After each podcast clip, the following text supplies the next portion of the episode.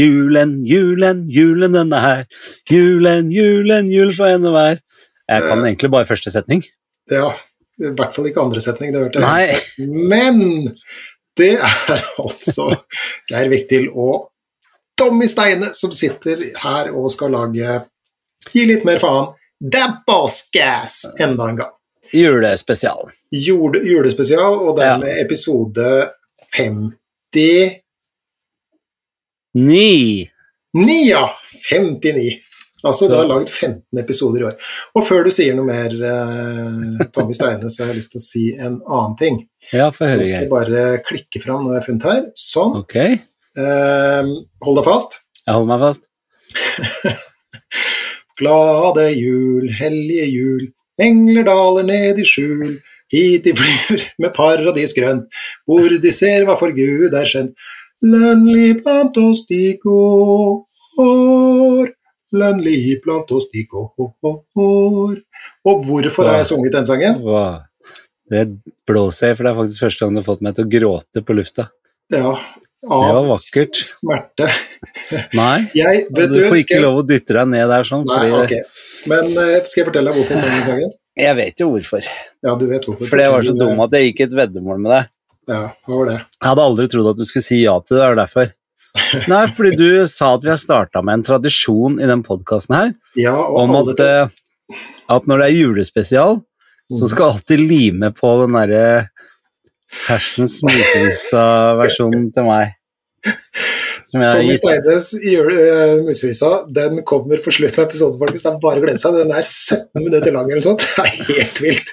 ja, Og for tenkte- at, vi, for at jeg skulle få lov til det, så sa Tommy ja, nei, det vil jeg ikke ha noe av. Ok, greit da, hvis du synger Glade jul, så Var det den jeg sang? ja. det var det. Ja. Så, så er det greit. Og det har jeg hermed gjort. Så vi hadde, hva hadde du sagt hvis jeg, når jeg mer eller mindre følte at jeg overtalte deg til at vi skulle begynne å lage podkast Og så kommer det til å bli sånn, vet du, Geir, at når vi har laget en 50-60 podkaster, og det er åpen jul, så kommer du til å sitte og alene synge 'Glade jul' på lufta. Ja, nei, det hadde jeg nok eh, antagelig tenkt var eh, noe halvpsykotisk eh, uttalt, men eh, greit nok. Så her er vi faktisk. Gudene veit hvor dette ender. Ja, det, det var veldig, veldig god start på programmet, syns jeg. Du syns det. Vi Ja. får vi se. Jeg skal ikke høre denne episoden selv. Men eh, Tommy Åssen går det med deg oppi all julestria?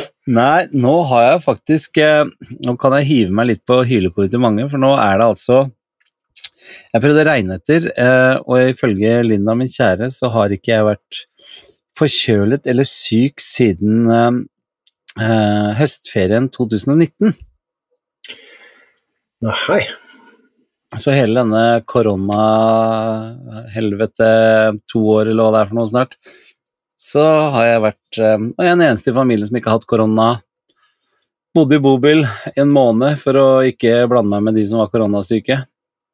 Eh, men nå i dag så våknet jeg opp, eller jeg kjente det egentlig litt grann jeg gikk og la meg i går, og at jeg var litt sånn klein. Litt sånn Mhm, mhm. prefeber. Og så har jeg ikke sovet så godt i natt, fordi jeg har hatt litt vondt i halsen og vært litt snørrete og sånn. Og så kjenner jeg vel at kroppen sier i dag at uh, det er helt greit med én dags pause, Tommy. Men ja, for du er jo midt oppe i oppussingstria og sånt nå, og Mm. du tenkte jo du skulle komme i mål til jul, men hvordan er det med det? Nei, det kommer ikke.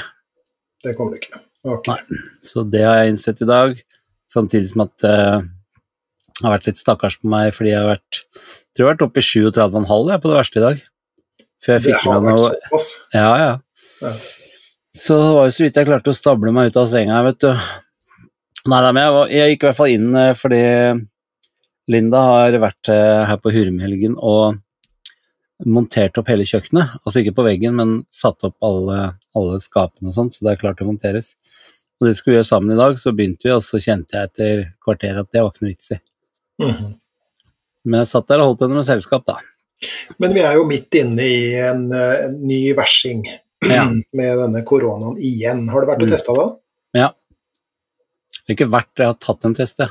Du har tatt en sånn hurtigtest, eller? En sånn hjemmetest. Hjemmetest, ok. Ja, riktig. Mm. Har du noen planer om å dra et annet sted og bli profesjonelt testet? Jeg tenkte at jeg skulle For den tok jeg jo på formiddagen i dag, så har jeg en test til her. Mm. Og så tenkte jeg jeg skulle ta en test til før jeg gikk og la meg. Og så ser jeg an formen i morgen, og hvis jeg ikke er noe betydelig bedre i morgen, og begge de testene har vist negativt Men hvis jeg ikke blir noe særlig bedre til i morgen, så kommer jeg til å dra og teste meg. Mm. Okay. Jeg skal jo egentlig på vakt i morgen, men jeg har ringt og sagt for at det kan jeg ikke hvis jeg er sånn som jeg er nå. Mm. Mm. Men du har jo ikke noe menneskekontakt ute på landet der heller, så sånn sett så er du jo innafor. Nei, men Det som er sprøtt, da, var jo at jeg sto jo på scenen i går og fleipa om dette her i et lokale med 60 mennesker. Mm. Mm. Så jeg hadde jo show på Seter i går sammen med min sønn Eirik, som debuterte for aller første gang som standup-komiker. Du verden, hvordan gikk det? Du, det gikk mye bedre enn jeg hadde trodd. Uh, og jeg veit at jeg er pappa og stolt og sånne ting også, men jeg har jo egentlig ikke lyst til at noen av barna mine skal gjøre dette her etter meg. Mm.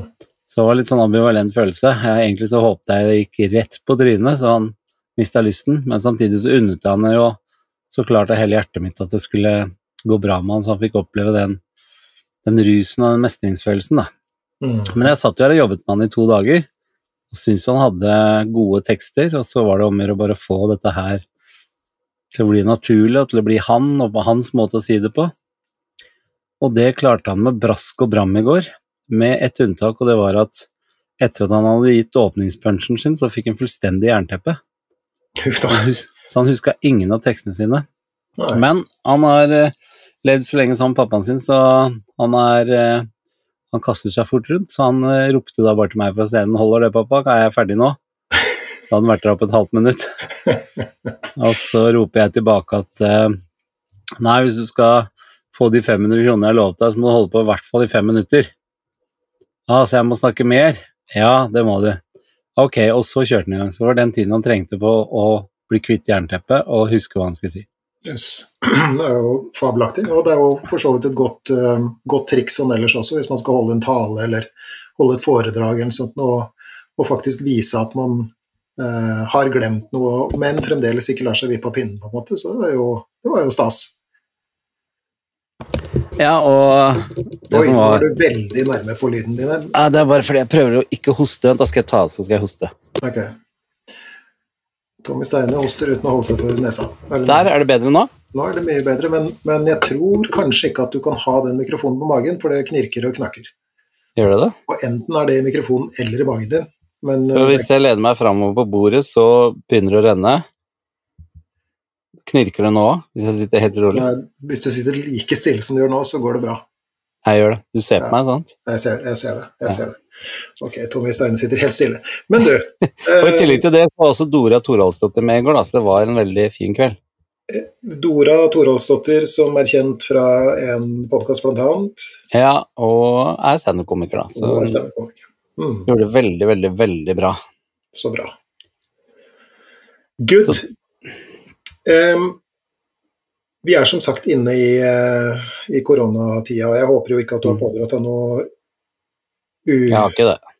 uhumskheter på Hurum. Nei, det har jeg ikke. Nei. Men eh, hva tenker du? Vi er i gang igjen. Med korona. Ja. Du, jeg har jo vært heldig og kjent deg i mange år nå, så jeg lærer, har lært meg i veldig stor grad å ikke bruke tid og energi på det jeg ikke får gjort noe med. Mm. Mm. Eh, Det er så klart frustrerende, og det er jo nesten nedstengning igjen. Det er munnbind på, og Men så tenker jeg, er det noe jeg får gjort hvis jeg blir frustrert og irritert og forbanna på det? Det forandrer ikke noe. Mm. Så da gidder jeg ikke å bruke så mye krefter på det. Jeg kan drive og sjekke litt med deg på telefonen, og faen også, nå må de faen meg se. Og så kan jeg vel innrømme at jeg kanskje er til tider litt uenig i strategien deres. Mm. Mm. Men som sagt, eh, er ikke så veldig mye jeg får gjort med, med det de gjør nå, så da velger jeg ikke å bruke noe energi på det. Det høres jo umiddelbart veldig klokt ut, men det er jo litt sånn rare tider med det som har erstatta nordmenns samtale nummer én, eh, været, med, med det nye, nye samtaleemnet, strømpriser. Jeg leste her forleden også at vi, eh, vi står overfor melmangel, for Norge har i sin klokskap eh, satt opp eh, boligprosjekter på alle jordene rundt omkring, så vi greier jo ikke å, å holde oss med mel engang. Og så videre og så videre. Det er, rar, det er, det er en rar tid. Ja, og når det kommer til det greiene med strømpriser, da kan du snakke om at jeg må trene mer, for der klarer jeg ikke å la være å tenke. Der blir jeg skikkelig farka. Du blir farka, ja? Ja, jeg blir skikkelig farka. Nei, det veit da faen, men det er eh, Det irriterer meg, og, og jeg er for langt ifra ikke noe sosialdemokrat og rød og Det er ikke det, men det irriterer meg veldig at det går utover meg og mine, og folk som er dårligere stilt kanskje økonomisk enn det jeg er også. At det sitter svære selskaper og går med milliarder i overskudd, men med en gang det er litt mangel på strøm, så skal pris, prisene skrus i været. Mens når vi overproduserer strøm, skal vi selge det til utlandet Mm. istedenfor å lagre det. Det irriterer meg. Jeg skjønner ikke at det går an at eh, Hafslund og alle disse her gribbene kan ta ut milliarder eh, i overskudd, og så er det folk som må få støtte for å kunne betale strømregninga si. Mm. Mm. Det syns jeg er jævlig irriterende. Det er du. Mm. Ja, det Du er er ikke enig, eller? Jo, eh, jeg, må jo si det. Eh, Jeg, skjønner at jeg har eh, brakt på bane et eh, tema som nå da, hvor du ikke er i stand til å gi eh, så, så veldig F. Og det yes, tenker jeg også at det skal vi ikke gjøre. Det- har jo fulgt med litt på herværende sosiale medier, dessverre, med tanke på engasjement. Og det er jo voldsomt. Det er jo, det er jo en misnøye ute i befolkninga som er til å ta og føle på. Eh, Og så er det jo det som jeg tenker eh, mest på én ting, er jo hva skal jeg si, det økonomiske aspektet ved det for veldig eh, mange. Og som du sier, særlig mennesker som kanskje sliter fra før. Så det er jo, det er jo ikke en særlig sånn sosial greie vi har, har gående nå, men en annen ting går jo på vår nasjonale suverenitet og vår nasjonale beredskap. Eh, Og det er kanskje der jeg blir mest skremt. Eh, Og når vi da også ser i tillegg denne melmangelen og vi ser eh, sånn i forbindelse med korona hvordan de helt fra vi hadde svineinfluensa, når var det da, i 2012, sa at de skulle bygge ut intensivkapasiteten. De gjorde det ikke, og så kom bølge nummer én av korona, de sa de skulle bygge ut. Det skjedde ikke, og så har vi runde nummer to så er det en sånn eh, litt sånn Hva skal jeg si Jeg, jeg blir litt skremt av, eh, av den korte tidshorisonten da, til eh, enkelte av våre såkalte folkevalgte. Så, så jeg kjenner liksom engasjementet bruser i meg for tida, det gjør jeg altså. Ja, jeg mener å huske at i forrige runde med korona så ble det jo klart at vi ikke har et eget kornlager engang i Norge. Mm, Vi outsourcer også det. mm, Så jeg mener å huske at vi, vi sender det til Danmark og sånn, og, og hva er det noen sa? Og det å kunne ha en egen sånt eh, krisekornlager som koster liksom 40-50 mill., liksom. Det er ingenting. mm. Og så har vi ikke det i Norge. Nei, vi har ikke det i Norge. Og dessuten, det kornet vi produserer selv, går jo mest til dyrefôr, for det er relativt dårlig kvalitet eh, på det. Så det er jo, det, det er jo det, Jeg syns jo, eller jeg er redd for, da, at dette går på Så det er mange, mange områder i samfunnet nå som går litt sånn på samfunnssikkerheten løs, synes jeg. Eh, og det er kanskje ikke så rart, for vi har jo hatt det godt i mange år, sånn cirka siden etter krigen.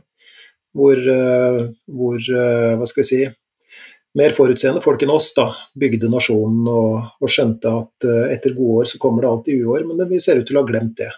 Ja. Vi ser også ut til å ha glemt uh, verdenshistorien for øvrig, hvor, hvor vi nå faktisk da lever i en slags sånn historisk parentes med velstand og fred og i det hele tatt, og så tror vi liksom ikke, eller vi Jeg vet ikke, det virker kanskje som om vi tenker at alt vokser inn i himmelen, og, og at uh, uår ikke kommer mer, av en eller annen Ja. grunn. Men, uh, så, så det syns jeg er litt sånn, sånn rart, da.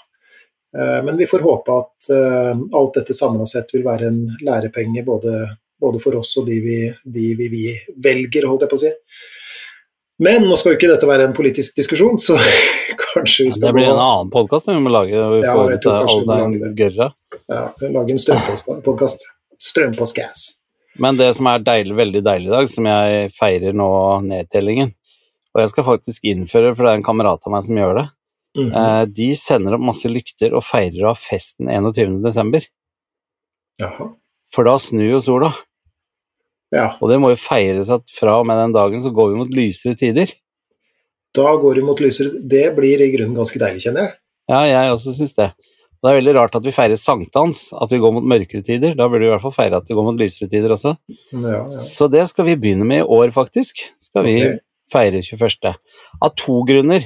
Um, både fordi at det er den eh, Jeg må ha en litt sånn late som julaften den 21. sammen med barna mine og Linda. Fordi jeg skal være på vakt fra lille julaften, så jeg får ikke vært sammen med familien i jula. Mm. Og for en som er eh, lik deg når det kommer til jul, Geir, veldig julete, Mm. så uh, syns jeg desember har vært litt tyngre enn vanlig. Mm. Jeg pleier å glede meg så mye til jul. Og det er veldig flott og fint at jeg skal feire jul på institusjonen og prøve også å skape litt uh, hygge og god stemning for de ungdommene som vi har der. Men uh, rent personlig så ville jeg jo heller vært sammen med, med barna mine og min kjære på julaften. Ja. Men du skal altså bidra til å holde samfunnet i gang i jula. Ja.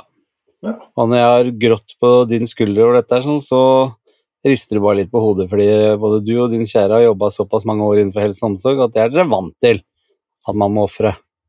Ja, vant og vant. Det er jo aldri noe, noe gøy å skulle jobbe på, på julaften og, og dager hvor folk flest har eh, En av de verste hva skal jeg si, tingene i så måte jeg har sett, var, var eh, i forbindelse med 17. mai, hvor en, en sykehusbarnehage gikk i tog forbi eh, sykehuset, hvor alle foreldrene var på jobb, og foreldrene kom ut i hvite frakker og vinka til ungene sine sant, i ett minutt, og så måtte de løpe inn igjen. Eh, og, så, og sånn er det jo. ikke sant? Ja. Og så jobber man med sånne ting, så er det jo det vi kan kalle påregnelig, men eh, fremdeles litt sånn sårt, tror jeg, for alle som, som må jobbe i jula, da. Eh, og det tenker jeg jo at vi skal koste på oss en, eh, en takk til alle som, som nettopp jobber i, i høytidene, altså politi, helsevesen, brannvesen, eh, militære, folk som driver med vedlikehold av alt mulig for at lyset vårt skal være på, vannet skal komme i springen og sånt. Så det setter vi jo pris på, selv om det kan være tøft for de som, som jobber da.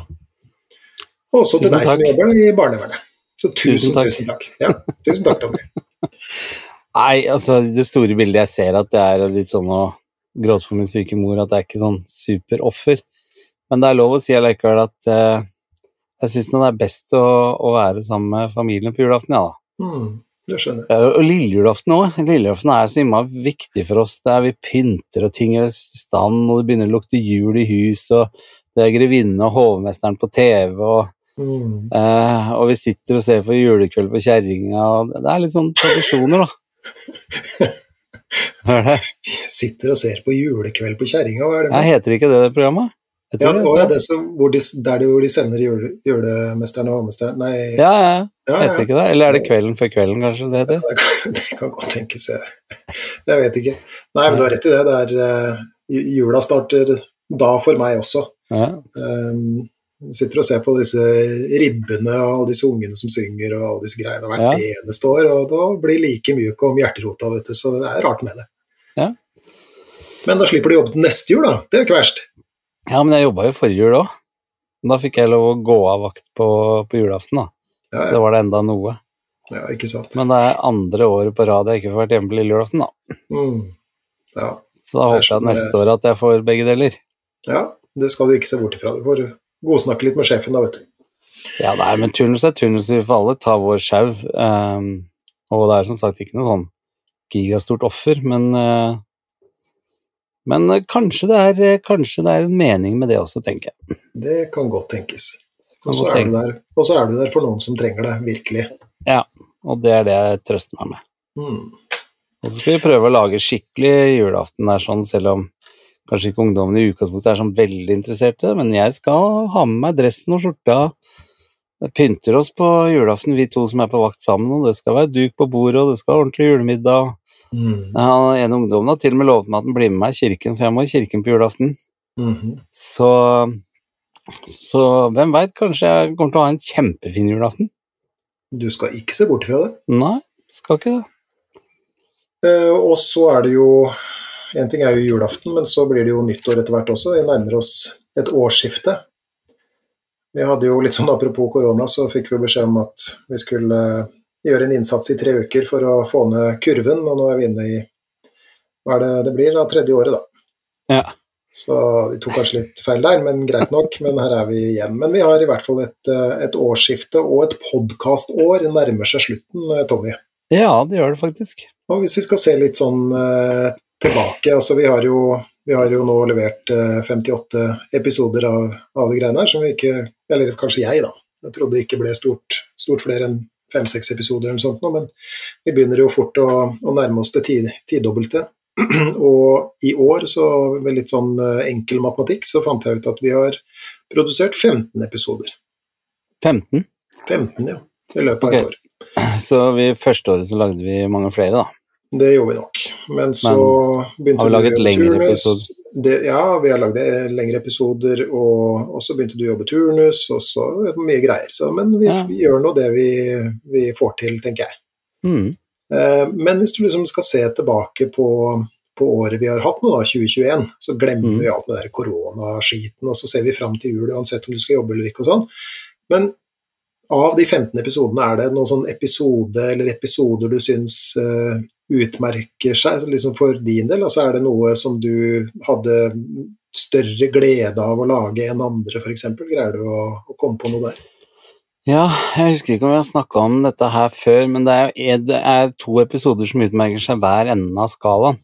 Okay. Det var en som jeg syns var eh, Eller det ble vel flere episoder, men som jeg syns var ekstremt interessant og gøy og lærerikt, og følte veldig mestring rundt. Og så var det en episode vi lagde som jeg syntes var så tungt at jeg, jeg satt bare og glana ut i lufta i nesten to timer etterpå. Mm.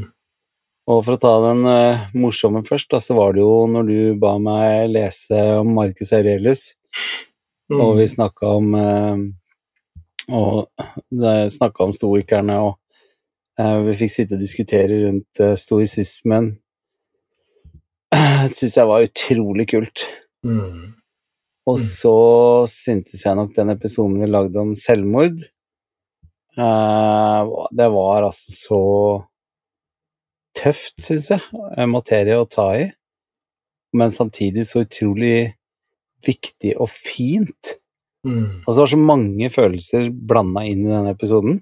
Mm. Eh, og vi har jo fått tilbakemeldinger både før og etter den episoden rundt det, som, som vi vet eh, eh, betydde veldig mye. Så, så det utmerka seg nok som den eh, sånn emosjonelt sett den sterkeste episoden når vi snakka om det med selvmord. Mm. Mm. Og du, da?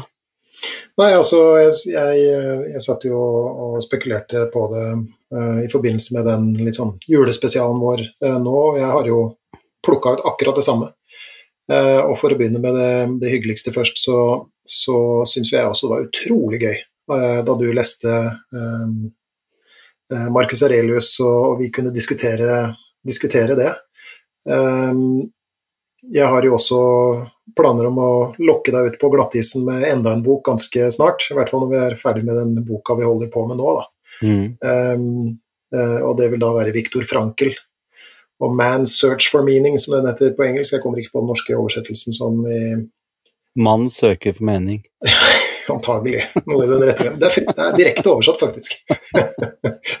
Man søker for mening. Ja, det er litt sånn Google-oversettelse der. Men, Ja. eh, men eh, jeg, jeg satte også veldig pris på, på de episodene der. Sånn. Det, var, det var episoder hvor vi kunne kaste litt ideer fram og tilbake, og, Mm. og vi fikk liksom reflektere litt sammen da, Mm. rundt det du hadde lest. Og jeg har jo ikke lest um, de bøkene der.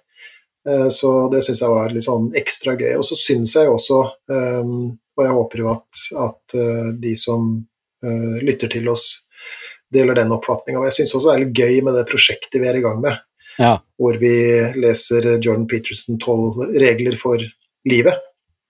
Absolutt. Og nå kommer jo også Jordan Peterson til Oslo, 6.6. 6. juni, Og der skal vel vi, skal vi ikke det? der skal vi.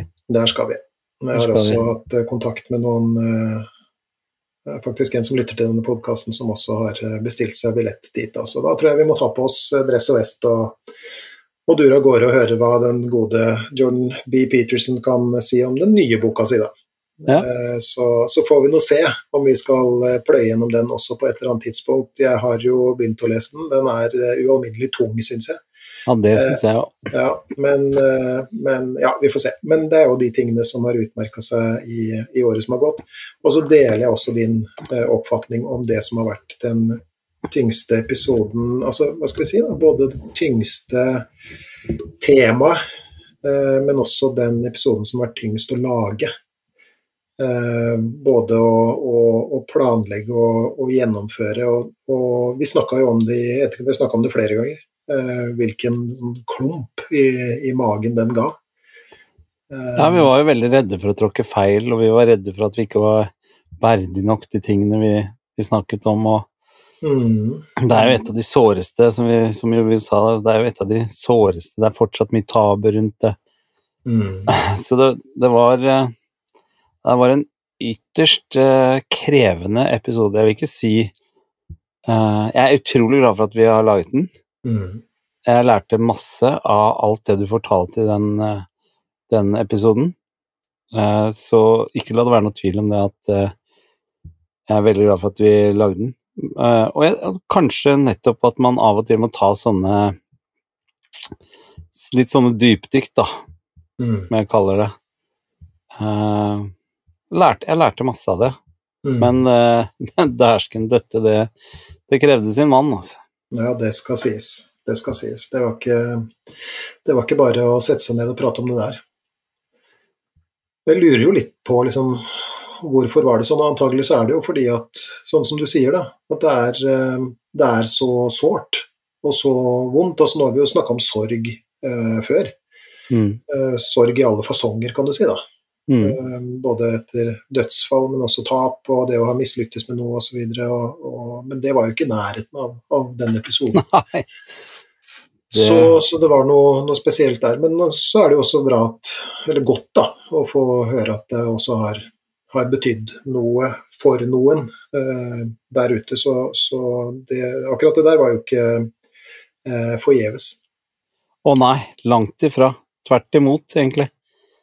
Men i løpet ah. av, i løpet av uh, året her, altså er, mm. det, er, det, noe Altså har du Har du lært noe, liksom? Altså, hvis du liksom ser tilbake på sant, alle de episodene vi har lagd og sånt, er det noe som, som, som, henger igjen, på en måte, eller som har forsterka seg, eller et eller annet? Du vet at det som er, er uh, litt mer krevende nå, og vi snakker jo om det før hver gang vi lager en episode, var jo at i, i begynnelsen, når vi, du og jeg lagde podkast, så var det jo nesten uh, læremesteren og eleven som, som lagde podkast sammen. Og uh, det var mye lettere for meg å kunne sette spørsmålstegn ved alt, for jeg skjønte jo ikke noe og visste ikke noe og kunne ikke noe. Mm. men så har jeg jo lært så mye av deg på disse snart 60 episodene. Eh, at det av og til føles kunstig for meg å si 'hæ, hva betyr det', mm. hva betyr det, hva betyr det? Selv om det er jo det vi ønsker at vi skal At jeg prøver det jeg kan. Mm. Uh, men jeg lærer jo så utrolig mye. Og en ting som jeg ikke tenkte kanskje skulle komme når vi startet å lage den her, sånn, er at jeg føler veldig stolthet av podkasten vår. da. Mm. Uh, og nå har jo jeg vært i høst og holdt en del foredrag for uh, folk innenfor psykisk helsevern og på institusjoner og organisasjoner. Uh, og det er jo veldig stas når folk kommer bort og sier ja, vi hører på podkasten, vi hører på podkasten. Mm. når jeg var i Bergen, så sa de til meg at de brukte det jo overfor sine pasienter også. Mm. Fikk pasientene til å høre på podkasten. Så det har blitt en veldig sånn Jeg er veldig stolt av at, uh, at vi kan lage en podkast om noe som jo i utgangspunktet kan høres ganske, kan høres ganske tungt ut. Mm. Ikke sant? Det er ikke noe sånn lystig og humor og la-la-la-la. Nå skal vi, skal vi, vrenge ut og bare ha det gøy. Det er jo alvorlig, mye alvorlige ting vi snakker om. Men at vi folkeliggjør det og hverdagsliggjør det, det er jeg veldig stolt av. Mm. Sånn at uh, hvis det er noe jeg har lært på de 60 episodene hovedsakelig så er det jo at uh, alle de plagene i anførselstegn og alle de utfordringene og det som vi tar opp, er jo at det går, har bare gått mye mer opp for meg hvor, hvor, normalt det er, og hvor daglig det er, og hvor allment det er. Mm. Mm. Uh, og det sitter uh, veldig godt igjen. Mm. Det er det ene. Det andre er at uh, eh, når du til og med synger 'Glade jul' på direkten, så ser jeg jo at denne podkasten her sånn har jo ikke nådd eh, grensene sine ennå. Jeg skjønner jo at uh, sky is the limit nå. Så det morsomste var jo fordi at du bestemte deg vel egentlig her, Vigtil, for at når vi kom Jeg husker ikke hvilken episode det var, men det var nesten sånn at nå har vi bare et par episoder igjen vi skal lage, Mm, og så er på en måte vi gjort det vi kan gjøre. Mm. Men så kom du en liten sommerferie imellom og sånne ting, så kom du tilbake med full ny dyst, og ja, jeg tør påstå at de episodene vi har laget nå i høst, har vel vært nesten et, et lite hakk opp fra de vi lagde før sommeren. Mm, mm. Så jeg tenker at uh, i 2022 så må det være det overordnede målet at vi i hvert fall kan begynne å lage litt podkast live. Jeg hører du sier det der. Eller eh, finne oss et studio sånn så at vi lager det og filmer det. Så vi blir youtubere også. Å, herre Jesus. Ja, ok. Mm. Nå kan Ja, du se jeg- tilbake på meg. Nå bør du ikke ta blikket ned i bordet lenger. Nei, nei da. Nei. Ok. Ja, men det er bra. Ok, så ja. men- Og du, da? Nei, altså jeg, eh, jeg, jeg, eh, jeg støtter jo, hva skal vi si, tankene dine, og jeg har fått tilbakemelding på det også, altså fordi at um, Jeg skal ta deg først, da. Ja. Så, så var det jo med de rollene på en måte vi gikk inn i denne podkasten. Mm. Uh, og, og, og det jeg har fått tilbakemelding på, er liksom altså at, at, at, din eh, Jeg vet ikke, mangel av et bedre ord, da. Kall det Mm. utvikling, på en måte. Altså sett innenfor ramma av denne podkasten, selvfølgelig, så, så er, det, er det faktisk flere som har kommentert eh, hvordan du har gått nettopp fra den der spørrende eh, rollen til det å ha tilegna deg så mye kunnskap at, at vi kan sitte mer og liksom sparre med hverandre. Ikke Mm. sant? Og det må jeg jo si eh, Det er ikke noe jeg liksom har tenkt veldig mye over, for det har vært en sånn gradvis overgang, men, men, men eh, når folk sier det, så skjønner jeg det jo, ikke sant? Ja. Fordi at og det er jo litt sånn som du sier da, etter sommeren så har vi, så har vi eh, hva skal vi si, fått anledning til å, å tenke litt sånn høyt sammen, ikke sant. Og så går det litt på min utvikling òg, da. fordi jeg husker jo veldig godt da vi skulle altså For det første så ville vi jo ikke ha noe podkast i det hele tatt. Det vil Eh, det definitivt jo- ikke. Nei, absolutt ikke. Og, og så, men så starta vi med det, og, og når jeg da liksom ser tilbake, så, så kan jeg huske hvor, liksom, hvor litt sånn famlende, litt sånn engstelig jeg var. Eh, jeg var liksom redd for ikke å si alt riktig, om Mm. ting kunne misforstås, om det liksom Ikke sant? Eh, men, men nå har vi som sagt glidd mer inn i en sånn form hvor vi nettopp kan være såpass trygge på en måte da, at vi kan sitte og diskutere temaer sammen og finne ut Mm. av ting. Og det, jeg, jeg tenker jo det om altså Det er alt fra samtale mellom to venner eh, eller, eller i terapirommet, så handler det jo om det samme, på en måte. Det handler jo om at to mennesker setter seg ned og forsøker å finne ut av det merkverdige mysteriet vi kaller et liv, sammen. Og hva annet eller på hvilken annen måte kan man gjøre det enn å sitte og liksom øh, kaste ball, som de sier i reklamebransjen sikkert. um, og, og forsøke å, å, å, komme fram til en forståelse og en løsning på problemer, kanskje. Uh, og, og, det syns jeg liksom har vært litt sånn det ekstra kule med det prosjektet her, da. Ja, det er, det er, jo, det er ingen tvil om at eh, At vi begge to har utvikla oss uh, i, i, den, i det formatet her, da. Mm. Uh, og, det, og vi har jo, det har jo virkelig vært utfordrende i og med at vi før kunne sitte i et studio sammen og møtes og prate sammen rett før og sånne ting. Og så har jo dette geniale programmet kommet opp, så nå, når vi nå i hvert fall ser hverandre og Vi har jo hatt mye rare opptak med, med Jeg har jo sittet i bobil, jeg har sittet i vanlig bil mens jeg har vært på vakt. Mm. Det har vært mye rare eh, kvaliteter på det, men eh, veldig lærerikt. veldig mye rare løsninger. Og vi har jo fått eh, kjørt oss ved å sitte og svetta i en eh, bil sammen, en privatbil faktisk, hvor jeg satt i baksetet og du i forsetet. Nei, vet du. For det var det der ungdomsepisoden, husker jeg. Ja, det husker jeg. Jeg hører liksom notatarkene mine blafre, og det var, det var stemning. Men det er, yes, det er, jo, egentlig så er det litt kult, og, det er jo det vi hele tida har sagt. Altså det er en, det er en rå råpodkast, vi lager Absolutt. jo egentlig like mye for oss selv som for andre. Det er veldig hyggelig hvis folk vil høre på, liksom, men, Mm. men eh, det, det har jaggu meg vært en, eh, en læringskurve. Og så er det jo en sånn Det er en liten sånn, kall det fare ved liten fare ved det at, eh, at vi nå ja, misforstå meg rett, og har litt mer sånn likeverdige roller på en måte også, ikke sant? Langt ifra det har vi ikke. Jo, det har vi jo. Jo, men, ja, men jeg vil protestere på det. Fordi, at, fordi at vi kan nå nettopp sånn som jeg har sagt, sitte og, og, og tenke litt høyt sammen og, og finne ut av ting. Men, men faren ved det er jo også at vi går glipp av nettopp det å være litt sånn spørrende og nysgjerrige og sånt noe da. Mm. Uh, og det husker jeg jo du sa til meg før Jeg tror det var forrige episode.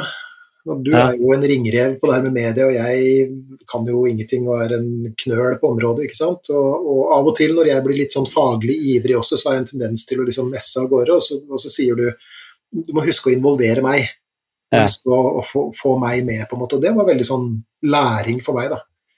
Eh, så, så, og, så ja, i store og hele veldig sånn eh, stas. Ja, du, involverer, du involverer meg veldig mye, men det er veldig fint hvis du kan spille inn når du forteller meg og spør meg hva jeg mener om det, eller hva jeg Mm. tenker om det.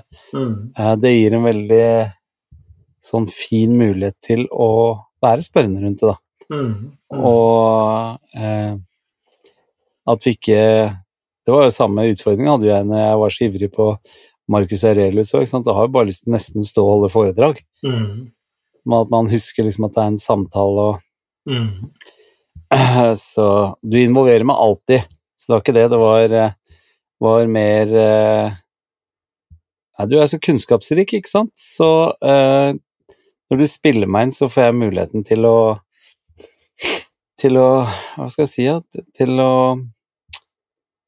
tenke litt rundt det, mm, og uh, er mitt personlige syn på det. mm. Du er jo helt råtass på all researchen, ikke sant? Og med researchen så får man også tryggheten til å snakke om det. Så, og det syns jeg eh, Kudos til oss begge to, der har vi vært flinke, syns jeg. Det skal vi fortsette å være. Mm, mm. Vi satser på det inn i, inn i 2022. Og Ja, hva tenker du da? Med 2022 og podkasten, hva tenker du? Hvor tror du det går hen? Jeg aner ikke. Jeg håper ikke til YouTube. Det, det, såpass kan jeg si det. Eh, det er de mest umiddelbare tankene mine, altså. Eh, eh, jeg, jeg, jeg, har ikke Ja ja, men det var akkurat det samme jeg sa om, om podkasten òg. Det var det. Ja, jeg, er, jeg er dårlig til å spå der, da. Men jeg kan ikke forstå at det vil være så veldig interessant å sitte og se på oss prate, men det er jo en annen historie, for så vidt. Vi får nå Ja, nei, det er jo ingen andre podkaster som gjør det, så det har vært gøy å være den første, da. Så se om det kan funke. De er gode på sarkasmer, det er Steine, det skal de ha. Men, eh, nei, det er, nei, det er jo det. Men eh, så er det jo for så vidt også en del podkastere som ser betraktelig bedre ut enn oss. eh, enn- enn oss. Jeg, jeg vet ikke. Vi får, vi får se. Vi får se. Du, jeg, jeg gjør det ikke før du har bygd den der bua du skrøt av. Nei, du skulle sant. bygge opp i hagen din eller et eller annet. Så, så der har du det presset. Ja. Uh, Men rent bortsett fra det, så, så håper jeg jo at, uh, at 2022 hva skal vi si, kan bli som 2021. Da. At vi kan fortsette å, å jabbe om disse tingene som, som du oppsummerte på veldig godt vis uh, for, for noen minutter siden. Altså det som handler om livet og det å finne ut av livet. og Life but how to live it, jeg tror jeg var en gruppe som het en gang. Eh, Men, men, eh, men det er jo det det handler om. Mm. Finne ut av det mysteriet, hvordan vi skal orientere oss i de terrengene vi har en tendens til å, å havne i, enten ved egen hva skal vi kalle det, ved egne valg eller fordi at livet velger for oss av og til. Så vi er jo liksom, for å bli litt sånn halvsvulstig, da, så er vi jo litt sånn medreisende mot en destinasjon som ingen av oss vet noe om. Og den reisa er jo ikke, er jo ikke bare bortoverbakke, det.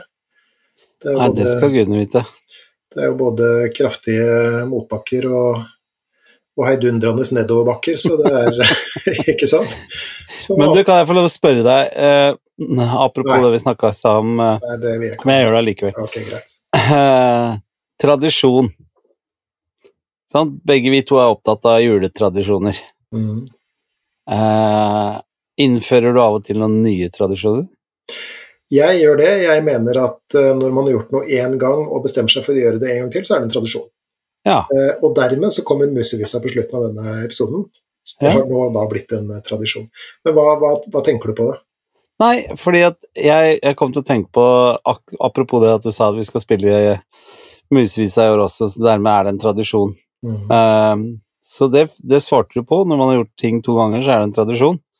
Mm. Men uh, det er jo så mange tradisjoner jeg føler at jeg har vokst opp med i forbindelse med jula, som jeg mista litt. Ok, hva, har vi for eksempel hva da? Nei, jeg husker jo som liten så var det veldig, veldig Alle skulle jo gå rundt juletreet på julaften. Mm. Så den tradisjonen har vel ikke vi vært like flinke til med, med våre barn. Det er sant. Uh, leste juleevangeliet før vi fikk spise mat. Eh, den tradisjonen har vi ikke videreført. Eh, en tradisjon som er dessverre blitt ødelagt, er jo den ekstreme spenningen det var som barn å komme ned, sitte i pysj, spise julesokken, og så var det Walt Disney på TV Oh, ja. med alle Disney-klassikerne, men det har jo ikke noen funksjon lenger, for nå har de til og med en egen kanal, så du kan jo se på dette her 24-7. Mm. Så den tradisjonen er blitt borte, og så lurer jeg på, er det noen tradisjoner som når du og Turi har blitt gift og fått egne barn, har dere innført noen nye egne tradisjoner som ikke du har vokst opp med? Ja, absolutt. Eh, og Mm. kanskje den, eh, den fremste, den hadde vi jo i, i stad, nå skal du høre. Vi har, vi har Altså, da min datter ble født, Ja. så var jo begge hennes bestemødre alvorlig kreftsyke. Eh, og det var ganske tydelig hvilken vei det gikk med begge to. Mm. Um, og min kones mor, altså populært kalt bestemor, mens min mor ble kalt farmor, men bestemor hun kjøpte en, en bok til eh, sin eh, nyfødte um, datterdatter, som hun skrev i med sirlig gullskrift. En hilsen. Um, det var bokklubbens julebok. Og siden den tid så har det vært sånn fast tradisjon å lese i denne boka. Eh, når vi tenner lys på, på eh, så advent, til advent, da. Så da er det jo først disse adventsversene, er det Inger Hagerup eller noe sånt, tro. jeg. mm. Og så er det faste, en fast sånn julehistorie. Og da er det Snekker Andersen og julenissen en søndag. Det er den lille bygda som glemte at det var jul. Det er piken med svovelstikkene osv. da. Eh, og det har blitt en sånn eh, fast tradisjon. Og nå er jo, min datter er jo nå inne i eh, Tigerstaden og, og studerer, og er ennå ikke hjemme til jul Hun kommer neste søndag. Um, og min sønn er jo hit og dit og er ikke fullt så interessert i adventstradisjoner akkurat på dette tidspunktet i hans liv. Så da sitter min kone og jeg der og leser og koser oss. og det har vi tenkt å fortsette med. Eh, og så tenker jeg at, eh, at Mens vi tar hvert vårt camphor drops, så sitter vi der og leser. Nei, vi tok faktisk hvert vårt eh, ørelille glass med hjemmelaget appelsinlikør. Neimen, se. Ja da. Og spiste de første julekakene, så det var, eh, var veldig stas. Så det er litt sånn der, eh, en nyoppstått tradisjon som vi da håper at barna tar med seg videre. Da. Kult. Enn du, har du noen nye Nei, Jeg prøvde å tenke på det mens du sa det, men en tradisjon som vi hadde hele tiden mens barna vokste opp, hvert fall, var at vi var, var i skauen og hogde juletre. Mhm. uh, og Det det, er ikke gjorde sikkert. Sikkert ikke. Det er jo begrensa med hva som er igjen av grantrær i det landet her, så man skal vel være forsiktig. Eller så kommer det Melodi Grand Prix-partiet på banen og kjefter oss huden full. Men det, det har vi i hvert fall, det var en tradisjon som ungene likte veldig godt. Og, og nå jobber jeg sammen med en, eh, en fantastisk eh, energisk kvinne som, eh, som heter Cecilie, og hun, hun sier at familien hennes drar ut hvert år på lille julaften og fanger et juletre.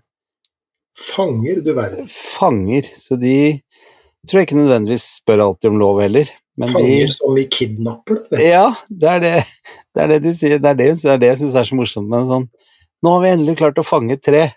Ja. ja. ja da ser du nesten ikke at de kidnapper det fra en forhandler. Nei, nei, nei, det er ute i skauen. Det er det. Ok. Ja. Mm. Um, Juletrær har jo en tendens til å ikke løpe så fort. ja, ikke sant? Så Du sånn skal er være ganske ganske dårlig til beins hvis du ikke klarer å fange tre. Men det er et morsomt ord, da. Ja, det, det får en si. Og hun, og hun bruker det ikke for å være morsom heller. Sånn der, ah, jeg gleder meg, nå er det bare Nå skal vi ut og fange tre med ungene på torsdag. Hvor Bare mm. fange tre. Ja. Hvorfor så, ikke? Nei. Så det var en tradisjon som, eh, som vi har eh, eh, innført. Eh, og så er det jo sånn at eh, vi har jo hatt som tradisjon, i og med at jeg har jo to barn fra før og to barn etterpå, så har det jo vært en tradisjon at de er hos oss annenhver jul.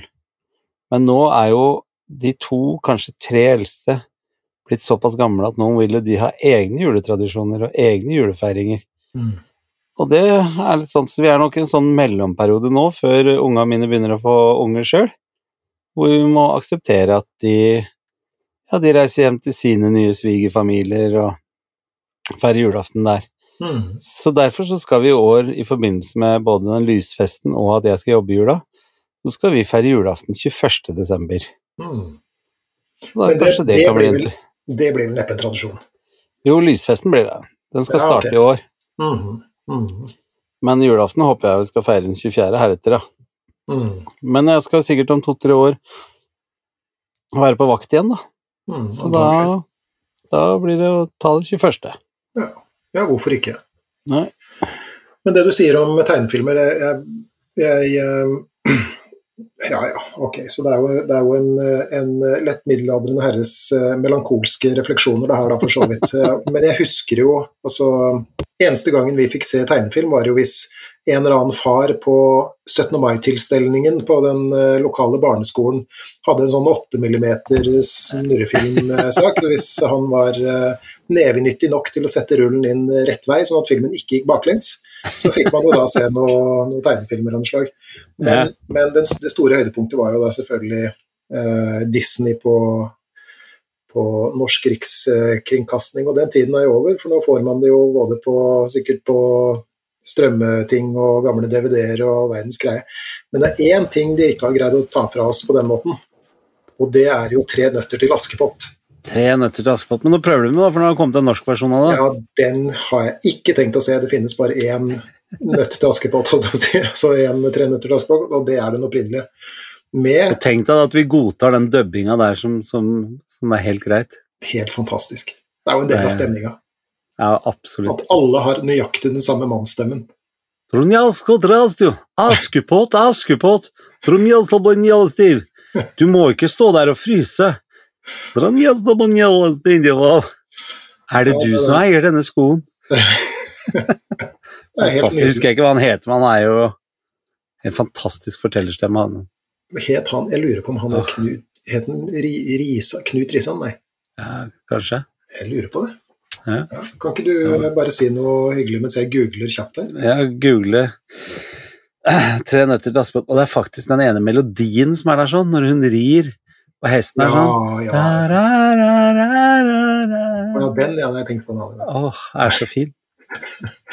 Og så er det jo utrolig gøy når eh, stemoren og disse søstrene havner nede med leire og Nei, det er fantastisk. Knut Risan, ja.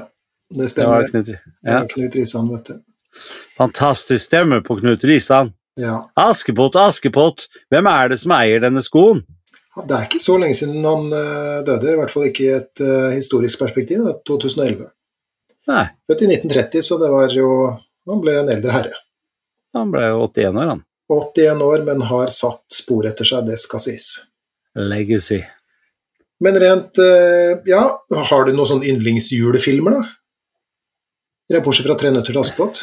Altså, ok, så når vi snakker om tradisjoner Det er veldig mange som har tradisjoner med at de, liksom, de har sine faste julefilmer. Ja. Og har du noen der? Nei, jeg har faktisk ikke det, selv om det er lett å trekke fram Love Actually Ikke sant? og Alene hjemme.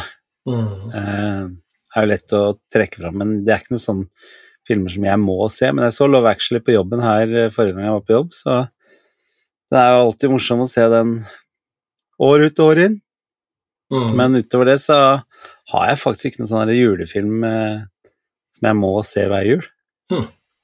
Har du? en, en hel rekke. Oi, få høre. Nei, altså Love Actually alene hjemme er jo, er jo eh, grei. Eh, Mm. Eh, Kvinnen i huset har jo en eh, tendens til, og det er bare pga. han eh, kjekke skuespilleren selvfølgelig, men The Holiday, Ja. husker du den? Ja, ja, ja, så klart. Med hun, hva heter hun der amerikanske blonde Ja ja, samme det. Ja. Hun heter Er det ikke Jeg klarer aldri å uttale navnet sitt. Rice Reece? Nei. Nei. Uh, Reece? Nei, nei, nei, det er ikke det, skjønner du. Hva heter hun jeg prøver å si? Reece Eh, Winterspoon? Reese, Reese Witherspoon, ja. Nei, Witherspoon? ja, nei, det er ikke, Det er det er ikke hun. Det er hun derre um, Cameron Diaz. Ja, og den, ja! Ja. Og, Ja, da veit jeg den. Kate ja. Winslet. Og så Ja. den notorisk kjekke Jude Law. Ja, så klart. Og så Jack Black, da, men jeg vet ikke. Eh, så, den, eh, så, så den ser jo jeg også. Later, Den, ja. jeg later som jeg ikke liker den, eh, men jeg ser, ser den nå. Eh, og så eh, er det eh, Disney-versjonen av eh, Et juleeventyr av Charles Dickens. Ja. Den må jeg se. Det er liksom, og den er bare, det er ikke veldig mange i familien som er superinteressert i å se den, altså, men den, eh, den må jeg se. Og så Brannfakkel, Die Hard. Det skulle jeg akkurat til å si. Er det en julefilm eller ikke? Ja, det er en julefilm. Ja, det er det, ikke sant? Ja. Jippi Yippee motherfucker. Det er ikke noe mer julete setning enn det. Ho, ho, ho, now, now I have a machine gun. Ja. Ja, ja. Nei, men er, jeg syns det er litt julefilm for meg, eh, faktisk, altså. Mm. Die Hard. Ja, den, eh, den må ses. Men som sagt um, um, Hva er fineste julesangen du vet om, da? Jeg tror det må være mannen med fløyelsstemmen. jeg tror den Jussi Bjørling og Helene Helge nei, Natt? nei, nei, nei, nei, nei. The Christmas Song med han Du vet. Han eh, Michael Bublé? Nei, ærlig talt. Det er altfor nytt for meg. Eh, dette er type 50 Dean Martin? Nei. Eh, han, han Frank Sinatra? Han, nei, han hadde en datter som uh, Nat King Cole. Nat King Cole? Ja. Uh, chestnuts roasting on an open Den. Da. Da, da begynner det å, å, å bevre i min underleppe, altså. Ja? Snakk om, uh, snakk om stemme. Jeg tror jeg vet hva din er. Og det er Må være uh, misvisa. Du, slutt, da. er det ikke det? Du er så dust. Nei, det er langt ifra. Okay. Og da får du Hvordan, faktisk lov å hvordan fikk du den der julevisa? Da kan du faktisk få lov å skrive ut en resept til meg hvis jeg noensinne kommer til Nei, vet du hva, den jeg liker best, er min egen versjon av musevisa. Da får du lov å legge meg inn. Men den varer jo imponerende lenge. Er det så Jeg visste ikke at det var så Ja, og det verste er at jeg tror faktisk vi tok bort tre-fire vers. Tuller du med meg? Nei. Den varer jo en evighet. Ja, og tre dagers innspilling. Så det var Sju minutter og sju sekunder ifølge Ja. Spotify. Ja. Er, med eh, kringkastingsorkester, intet mindre. Ja, det var stort, altså. Ja. ja, det tror jeg. Hvor, ja, men hvor var det det ble spilt inn? Eh, Det ble spilt inn uh, i et studio i Oslo, jeg husker ikke hva det var. Det var et sånt musikkstudio. Ja. Så uh, Og jeg skulle ønske det var sånn uh, Sånn som man kunne se på TV, at jeg sto liksom oppe på Marienlyst og hadde hele krinken i ryggen, liksom. Men Med sånn 15-mikrofon og ja, men det var ikke det. Det var uh, spilt inn, og så fikk jeg det på øret. Og der sto det i sju minutter. Ja, da, det er det det er klippet sammen til. Jeg sto der sikkert i jeg tror det var der en hel dag, så seks-sju timer. Så- det ble ikke Nei. spilt inn på ett opptak, liksom? Nei, å nei, nei, nei. Det, ble, det, var mange, det var mange take. Ja. Og så klipper de og limer, da. Nå avslører jeg sikkert masse vonde hemmeligheter, men det er klippet sånn at ah, Inngangen til det refrenget der, sånn, det funka som søren, da bruker vi den på alle 17. Ah, Avslutninga der, den funker, da kan vi bruke den på de fire der som er like. og Så, Så sitter det sånne som jobber. Kan du, kan du finne en variasjon? Kan du gjøre noe sprøtt?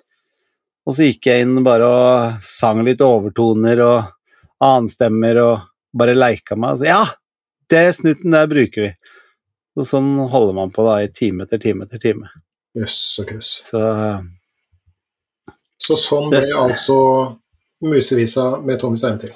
ja, det var eh, Vi var en rekke artister som fikk forespørsel for det skulle lages en sånn minne-CD om Alf Prøysen. Så fikk jeg den. Den fikk du. Ja. Var det, var det noen du hadde ønska deg i stedet, når du tenker deg om? Nei. Nei, men Jeg den, bare det var stort å få lov å være med. Jeg, så jeg, Ja, ja, ja. ja. Og, jule, det, og musevisa vil for alltid være din i mitt hode.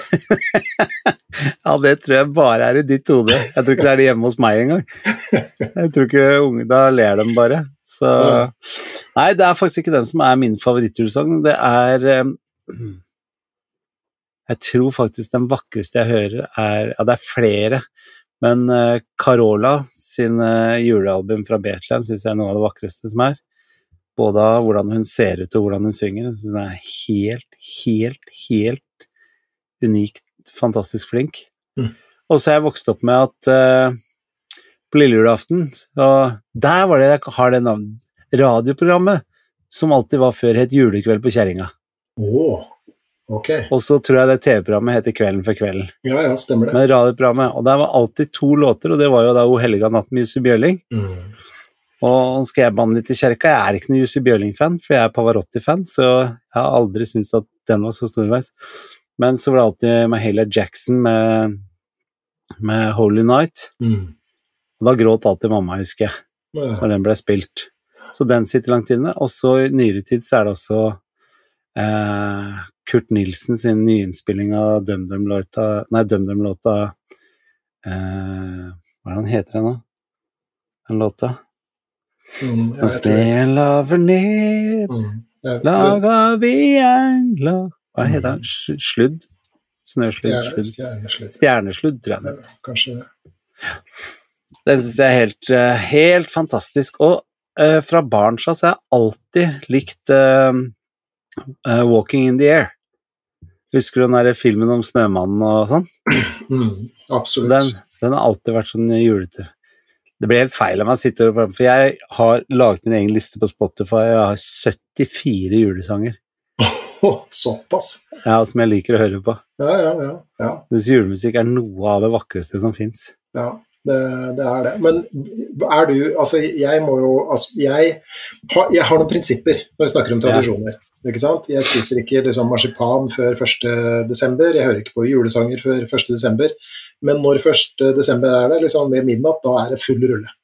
Og jeg må si, um, vi er jo fremdeles ikke lei av marsipan, men allerede nå, nå snakker vi, vi er 12. desember, er vi ikke det? Jo. Vi er litt grann så lei av, eh, av julesanger allerede. Men da har du for få på lista di. Ja, det har jeg, for jeg har bare eh, 30. Ja, det er altfor få. Ok, kan du sende meg noen, da? Men jeg må, Ja. altså, det er, det er de der gamle type sånn eh, Bing Crosby, Frank Sinatra eh, Ja, den type Eartha Kitt, Nat King Cole, ikke sant. Det er liksom sånn 50-60-tall. Du vet de som sang julesanger med liksom drinken i den ene hånda og, og siggen i den andre. Med sånne Ja, men det er akkurat det som er så fint, fordi det er en blanding Du har det, og så har du liksom omtrent Sølvgutten i andre enden og Arve Tellefsen, liksom. Det er så pent og pyntelig at du føler at du er, ikke er nydusja, selv om du er det, når du hører på. uh, Du føler deg litt sånn skitten. ja, litt skitten. Eh, ja. Eh, Så det er hele det spekteret. Og så er det poplåter inni der òg. Jeg, jeg syns jo Last Christmas med Vam, eksempel, Ja, ja, ja. gir jo en fantastisk julestemning. Du tenker bare på den videoen og uh, Og jeg Det er uh, Fairytale of New York, ikke sant? Syns Ja, ja, jeg er fantastisk julete. Da føler jeg meg jo nydusja med en gang. Da er, da er jeg veldig ren. Ja. Da, er, da, da har jeg hår igjen, da. Den. Så det er, det er hele det spekteret, og, og det er det jeg tror jeg er flink til overfor meg selv, og at det er så mye variasjon. Men altså, du nevner Last Christmas med, med Wham. og jeg, jeg tenker jo I visse kretser så er det jo ikke helt sånn stuereint å like den sangen. Jeg innrømmer det glatt, jeg liker den. Hvorfor er ikke det stuerent? Nei, altså Nei, det er jo litt sånn derre eh, sånn som pusler og går i kjøpesentrene og sånt. Men, men har, der må jeg altså innrømme noe. Ja. Eh, Og det er jo litt dumt å innrømme det på eh, et medium som har 10 000 nedlastninger per uke, men, men jeg må si, og nå sier jeg det, og jeg står for det, jeg liker også All I Want for Christmas Is You med Mariah Carey. Ja, men er du gal? Ja, gjør du det du òg? Ja, så klart. Åh, Maria Ja. Carey har en fantastisk stemme. ja. Så det er jo uh, Nei, og det er jo Det er den, og så har du den der Rockin' around the Christmas tree med Kim Wilde og han derre komikeren og Ja, ja, ja. Nei, det er mange, og ikke minst eh, Cliff Richard også med, med sin eh, jul. Det er mange. Mm. Og jeg elsker å høre på Hanne Krogh med barnekor synge de norske tradisjonen. Jeg liker til med potpurriet fra et eller annet danseband, jeg husker ikke hvem det er. Hvor det, det er seks-sju norske julesanger som Jeg så mamma kysse i sønn jeg Tenk om bakgrunnen. Ja, ja, ja. Og det går rett til Det er hele tida de bjellene i bakgrunnen. Snømannen kald Det er liksom seks Det er eh, Alle de tingene representerer liksom jul for meg, og det syns jeg er fantastisk. Juletradisjoner der, altså. Og hvilke lukter, Geir, er det som får deg julestemning? Jo, eh, altså det er jo en lukt som ikke lenger er eh, politisk korrekt, hadde jeg nær sagt, men min stefar som døde i år, i, Ja. i februar, han eh, røkte jo alltid sigar på julaften. Jeg vet ikke om han var så veldig glad i det, men Nei? jeg tror at, at eh, det var noe som eh, betydde noe for han. Og som han da overførte oss ganske bokstavelig talt gjennom at vi gikk og, og, og passivt uh, røyka i, i vårt eh, rekkehus. Men, men lukta av sigar, den, den må jeg jo si Det hadde vært greit å få kjøpt en på sprayflaske, bare sånn Tatt noen dusjer i et, eh, i et hjørne med den, altså. Er det noe gærent å patte tre-fire trekk en gang i året? Nei, da hadde jeg blitt dårlig. Jeg kan ikke begynne å røyke innendørs. Folk jeg blitt tvangsinnlagt på flekken. Ingen... Nei, nei. Nei, det hadde ikke gått. Men Med eh, sosiale medier så hadde det blitt filma av naboen og Ja, ikke sant. Det hadde ikke vært bra, altså. Så hadde barnevernet kommet. Du hadde kommet, tenker jeg. Ikke sant? Ja, ja. vakt. ja nå er det litt seint med barnevern når den yngste er 20, liksom. Da, da er det Ja, men man vet aldri i våre dager, da. Men nei. nei, jeg tror nok ribbelukt og sigar og surkållukt. Den blandinga der. Og så Mm. kanskje en eller annen sånn dårlig 70-talls aftershave. Ja, Det tror jeg. Raffaelva.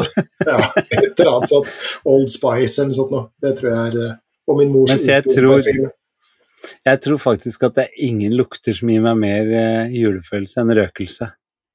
Åh, som kongerøkelse, tenker du på? Ja, Ja, sånn som man kjøper på apoteket. ja, ja. ja hvorfor ikke? Eh, det og lukten av klementiner som blir skrelt. Men Eller mandariner. Jeg har aldri funnet ut hva som er hva, egentlig. Det er klementiner. det er klementiner. Ja, det er Ja. det, altså. Da har jeg funnet ut det nå. En, det eh, en, men jula er jo én ting, vi skal jo også over et nyttår. Ja. Har du noen uh, forsetter? Ja, det blir jo det samme forsettet som jeg hadde i fjor. Jeg skal ikke slutte å snuse. Mhm. Mhm. Det har jeg tenkt å holde på. Og så eh, er det klareste nyttårsforsettet mitt er at jeg skal bli enda flinkere til å sammenligne med kun meg sjøl i går. Mm. Det øver jeg mye på. Ehm, og det har jeg lyst til å bli enda flinkere til i 2022. Mm. Sammenligne meg kun med hvordan jeg var i går. Og så begynne å trene. Begynne å trene, du, du verden. Ja. Jaha. Har, det, har du noen planer på det feltet? ja, jeg må komme meg ut i skauen igjen og opp på sykkelen. Mm. Nå har det halvåret jeg har gått med til uh, å holde på med huset, og nå ser det ikke ut som vi blir ferdig for jula likevel. Så, men med en gang det er på stell, så skal, eh, skal denne herremannen ut og bevege seg igjen. Mm. Jeg tror ikke jeg har gått opp noe i vekt eller blitt noe dårligere trent sånn, for jeg jobber jo ryggen av meg her inne. Mhm. Men det er ikke det samme som å komme seg ut i skauen og, gå til du blir grisesvett og setter deg ned rundt et bål. Jeg savner jo det. Mm. Og nå bor jeg jo på mer eller mindre på Hurum, hvor eh, de sier det ikke er så mye snø her hvor jeg bor, men dæsken døtte, det har så langt ikke stemt. Det er eh, Men nå, nå regner det ut akkurat nå, tror jeg. Mm. Ja, det blir nok ikke noe hvit jul på, på østlandskysten, tror jeg, nei. Nei, men så står det jo nå på langtidsmeldinga at sånn 20. så kommer kulda tilbake igjen, så vi får se. Ja, ja. ja vi får se. Vi får se. Ja. Ja, ok. Nei, nyttår er jo litt sånn uh, interessant i perspektiv av alt det vi snakker om og har snakka om også. Men Hva, unnskyld, hva er dine forsett? Nei, det skal jeg komme tilbake til. Jeg vil bare reflektere litt, litt rundt dette med okay. nyttår. fordi at dette med nyttårsforsetter har jo en slags sånn symbolsk uh, betydning. Ok, Eh, fordi at eh, den dagen vi har bestemt oss for å feire at eh, eh, vår planet har gått en runde rundt sola igjen, da. Den er jo eh, eldgammel på den måten at det også er en slags sånn symbolsk død.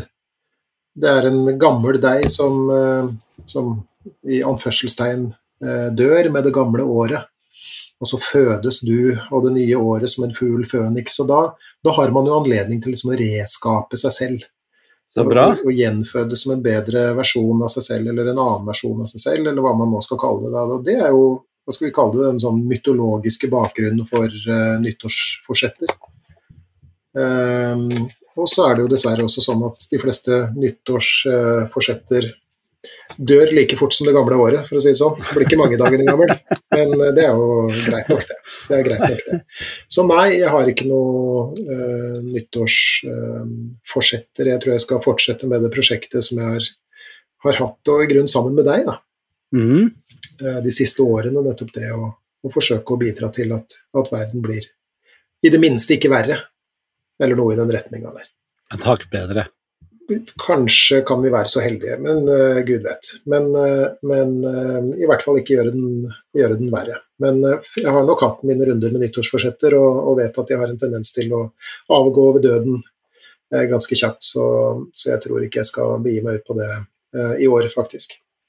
Nei, for jeg husker i fjor så sa når jeg sa at jeg skulle fortsette å snuse, Mm. så hadde vel du som forsett at du ikke skulle begynne å snuse igjen.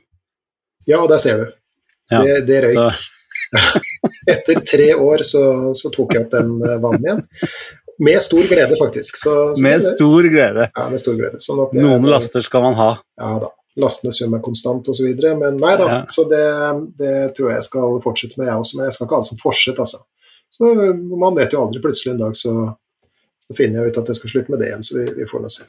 Men eh, rent bortsett fra det, så tror jeg vi at jeg skal, eh, skal fortsette som jeg har gjort før. Og ikke at jeg på noen måte er eh, perfekt i det henseende heller, men, men eh, jeg tenker at det kan Ja ja. Det er, ikke, det er mer et livsforsett enn et uh, nyttårsforsett, da. Så Tommy, riktig eh, god vakt på julaften. Tusen takk, Geir. Og jeg vet at du tar en liten skål med juleølen. Ta en liten skål med juleølen for meg når eh, klokken blir eh, slår klokken 18.00. 17.00. 17.00. Da skål. julen inn, vet du.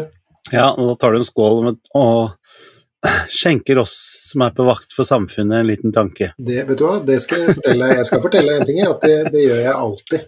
Jeg Ja. tenker alltid på de som, eh, som er på vakt på julaften. Og årsaken til det er antagelig at jeg har vært på såpass mange julaftenvakter sjøl at, jeg- at det er Og det er ikke tull engang, det er beint fram takknemlig for.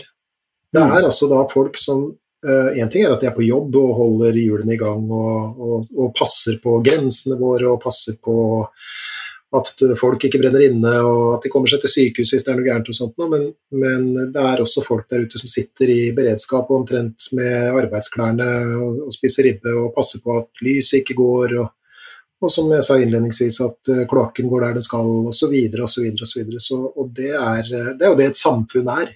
Ikke sant? Mm. Vi gjør alle vår skjerv for at, eh, at de andre skal ha det så, så godt som uh, overhodet mulig. Uh, og det tenker jeg på faktisk hvert eneste år når jula ringes inn. Så bra. Så jeg skal tenke spesielt på deg, da.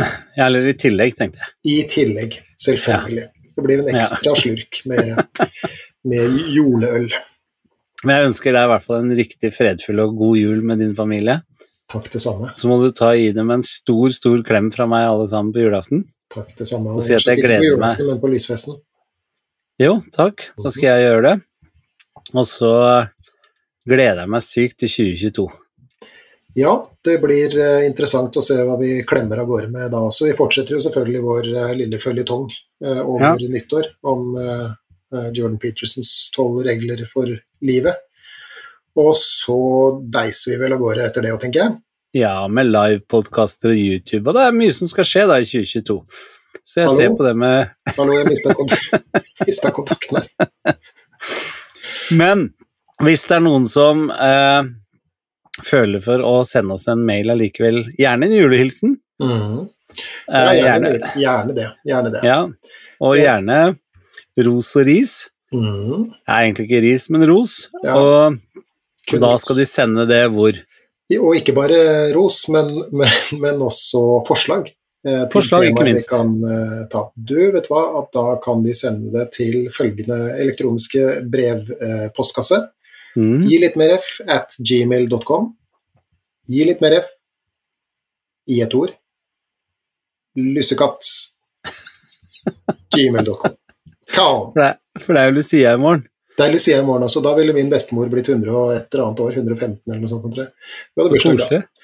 Og gi oss gjerne en, eh, en eh, tommel opp og en, et abonnement og litt sånne ting. Og hvis du hører episoder du liker, så del det gjerne med noen som du tror ville likt det sånn cirka like godt uh, som deg. Det trenger vi, for vi trenger å vises litt i den der etter hvert så berømte podkastjungelen der ute, da. Og da skal vi faktisk eh, avslutte sånn som vi begynte. Geir skal nå synge en julesang for oss. Så Nei da, smell i gang musevisa di, Geir. Det er greit. Jeg smeller i gang uh, eh, Musevisa sju minutter og sju sekunder med Tommy Steines praktfulle røst. Tommy, riktig god jul og godt nyttår. Riktig god jul òg, kompis. Når nettene blir lange og kulda setter inn, så sier vesle musemor til ungeflokken sin. Hvis ingen går i fella, men passer seg for den, skal alle sammen snart få feire jul igjen. Hei sann og hopp sann og faller alle av. Om julekvelden da skal alle sammen være glad.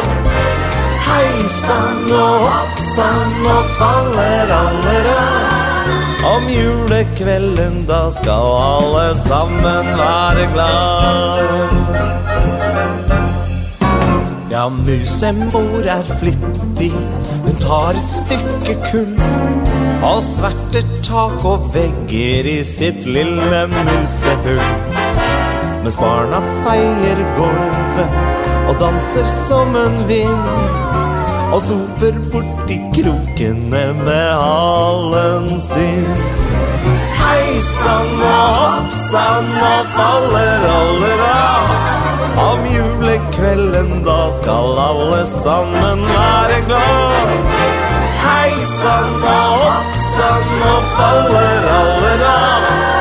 Om julekvelden da skal alle sammen være glad. Omsider kommer kvelden som alle venter på. Av musefar han trekker fram en støvel uten tå. Den pynter de med spindelvev og småspiker og sånn. Og så putter de en flaske kork i hempa bånd. Hei sann og hopp sann og faller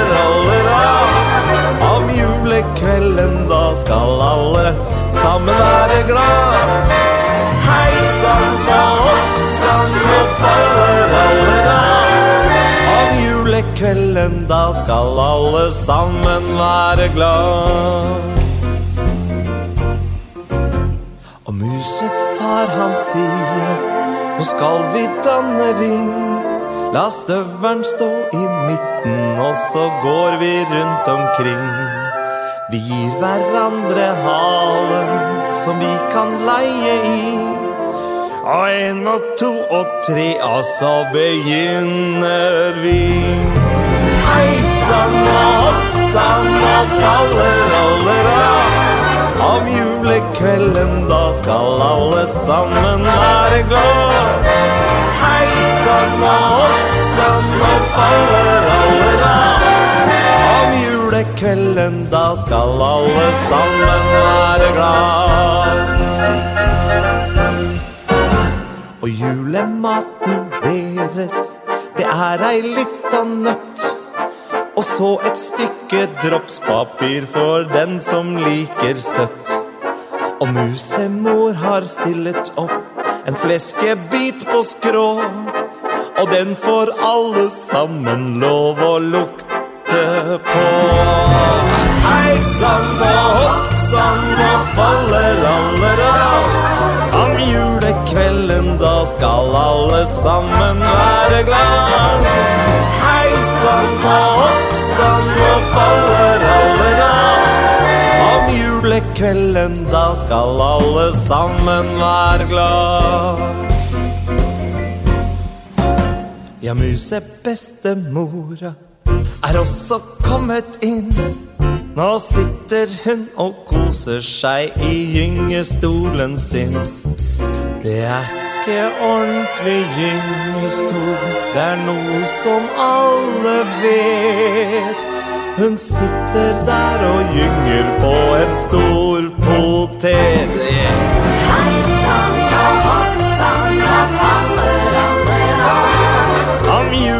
julekvelden da skal alle sammen være glad. Hei sann og hopp sann og alle. Om julekvelden da skal alle sammen være, være glad. Så hopper de, så danser de, så traller de en stund. Til musefaren sier det er best vi tar en blund. Og ungene de legger seg mens pappa holder vakt. Men selv i søvne traller de i hopp sa takt. Hei sann og hopp sann og faller allera. Om julekvelden da skal alle sammen være glad.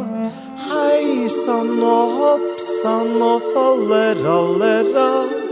Om julekvelden da skal alle sammen være glad. Og bestemora gjesper og sier slik som så. Det er moro sant med jula for dessa som er små. Hvis ingen går i fella, men pass deg skeiv for dem, skal alle sammen snart for feire jul igjen. Hei sann og hopp sann og faller aller av. Om julekvelden da skal alle sammen være glad. Hei sann og hopp sann og faller aller. Om julekvelden da skal alle sammen være glad.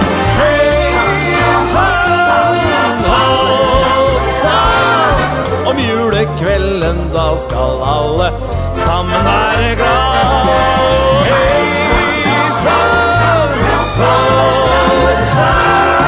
Om julekvelden, da skal alle sammen være glad.